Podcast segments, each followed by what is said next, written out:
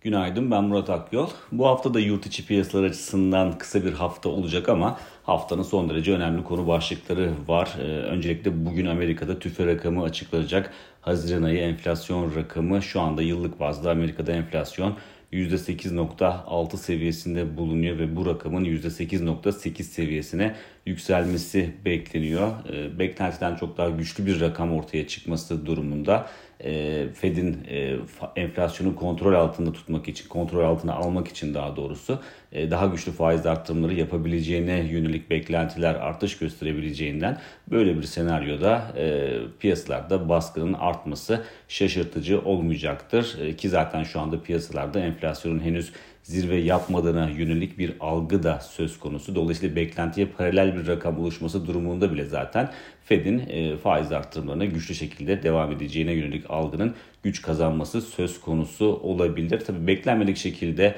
enflasyonu yönünü aşağı çevirmesi durumunda ancak o zaman piyasalarda risk iştahının anlamlı şekilde destek bulduğunu görebiliriz ama tabii ki e, bu enflasyonun illaki zirve yaptığı anlamına gelmeyecektir. E, birkaç veri daha görmek gerekir ki piyasalar enflasyonun zirve yapmış olduğuna biraz e, emin olabilsin.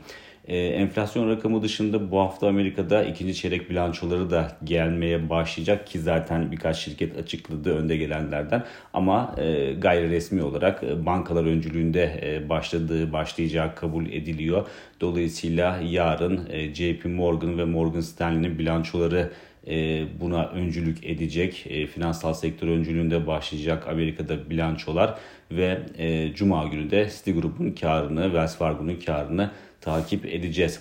E, genel olarak bakıldığında ikinci çeyrekte e, net karda %4.1'lik yıllık bazda bir büyüme bekleniyor. Önceki çeyrekte kıyasladığımızda önceki çeyrekte yıllık bazda %9'un üzerinde bir büyüme söz konusuydu. Dolayısıyla orada bir e, daralma, geri çekilme söz konusu ama en azından büyümenin devam ediyor oluşu e, net kar rakamında e, hisse senetlerini hala destekleyen bir unsur olarak çalışmaya devam ediyor.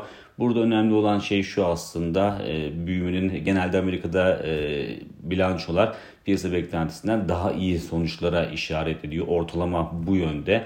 Dolayısıyla bir kez daha beklentilerden aslında daha iyi rakamlar oluşması durumu da ikinci çeyrek sonunda bu resesyon endişelerinin kısmen hafiflemesini sağlayabilir. Ama tabii ki bunun tersi de mümkün. Beklentilerden daha zayıf rakamlar gelmesi durumunda bu kez e, faiz arttırımlarının ekonomik aktiviteyi olumsuz etkilediğine yönelik algı e, güç kazanabileceği için bu da e, piyasalarda e, bozulmaya yol açabilecek bir unsur olarak çalışabilir.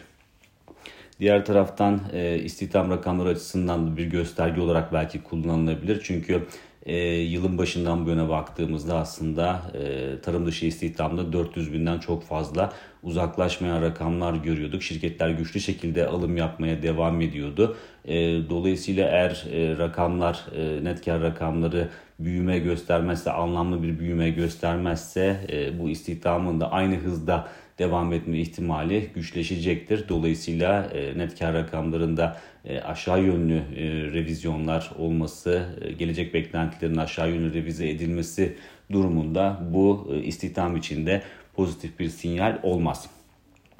İçeriye döndüğümüzde ise içeride yurt içi piyasaların kapalı olduğu dönemde özellikle dolarda küresel bir değer kazanımı vardı ki euro dolar paritesinin bir seviyesinin altında test ettiğini gördük. E, hem bu değer kazanımı hem de Fitch'in Türkiye'nin e, kredi notunu aşağı yönlü revize etmesi TL üzerindeki baskıyı belirgin şekilde arttırdı ve bu kapsamda dolar TL kurunun da 17.40 seviyesinin üzerine test ettiğini gördük. Bu bölgede çok fazla e, kur kalıcı olmadı. Orada teknik açıdan aslında görüşümüz çok fazla değişmiş değil. E, daha önce de dikkat çektiğimiz gibi özellikle 17-34 seviyesini orada takip ediyoruz. Bu seviyenin üzerinde arka arkaya kapanışlar yapılmadıkça e, TL üzerindeki baskının e, artması beklenmemeli. Bir kapanış yapıldı sadece bu seviyenin üzerinde. Arka arkaya 2-3 kapanış yapılmadı. Dolayısıyla bu da TL açısından rahatlatıcı bir unsur olarak çalışabilir.